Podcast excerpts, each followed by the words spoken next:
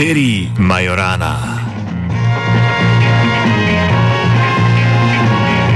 Dobro jutro v znanstvenem Britofu.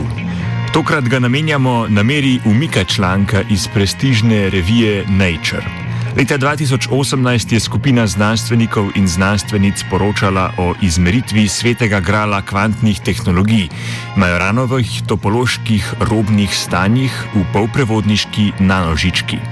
To stanje je dolgo iskana realizacija kvantnega bita, ki je zaradi svoje topološke narave odporno na uničenje zaradi šuma iz okolice.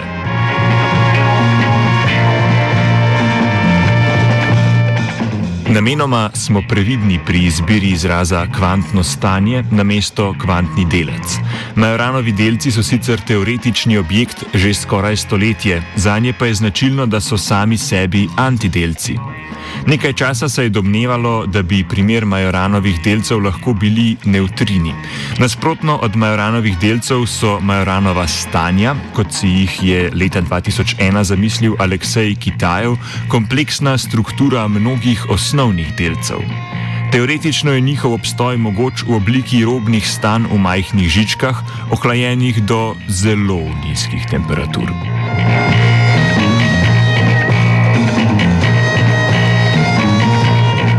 Kmalu po zamisli kubita, ki bi bil osnovan na tem topološkem stanju, se je na tem področju začela prava zlata mrzlica. Napajala jo je potencijalna aplikabilnost pri izdelavi kvantnih računalnikov in vsi privilegiji, ki pritičejo prvemu s to tehnologijo.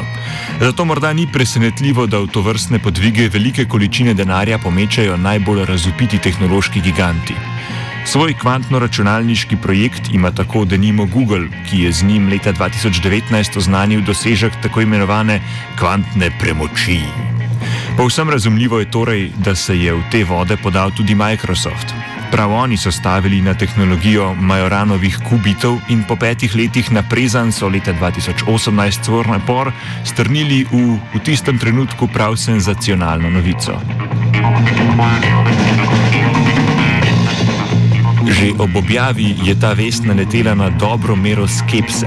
Majoranova stanja naj bi se namreč v nanožički pojavila, ko električna napetost v njej znaša točno nič.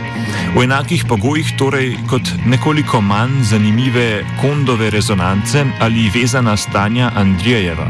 Zgolj nekoliko. Te pomislike so avtorice in avtori naslovili dobri dve leti po objavi, ko so podrobni pregled objavljenih podatkov pokazali na, parafraziramo, probleme pri obdelavi eksperimentalnih rezultatov.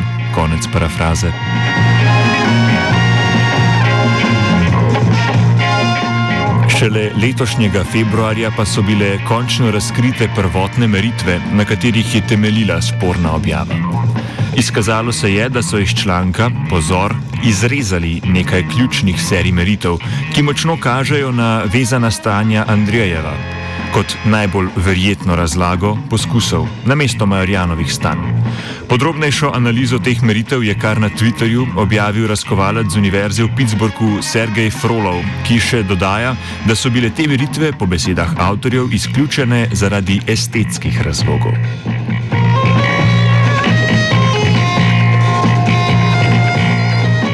Novem članku pred objavo na portalu Arhiv skupina sicer priznava pretekle napake in piše, da bodo članek v prestižni reviji po skoraj treh letih končno umaknili. Cela epizoda služi kot nov opomin, da znanosti ne smemo siliti k napredovanju po merilih tekmujočih podjetij, temveč jo moramo prepustiti lastnim merilom. Hkrati bi to moral biti žebelj v krsto uredniški politiki luksuznega znanstvenega tiskovja.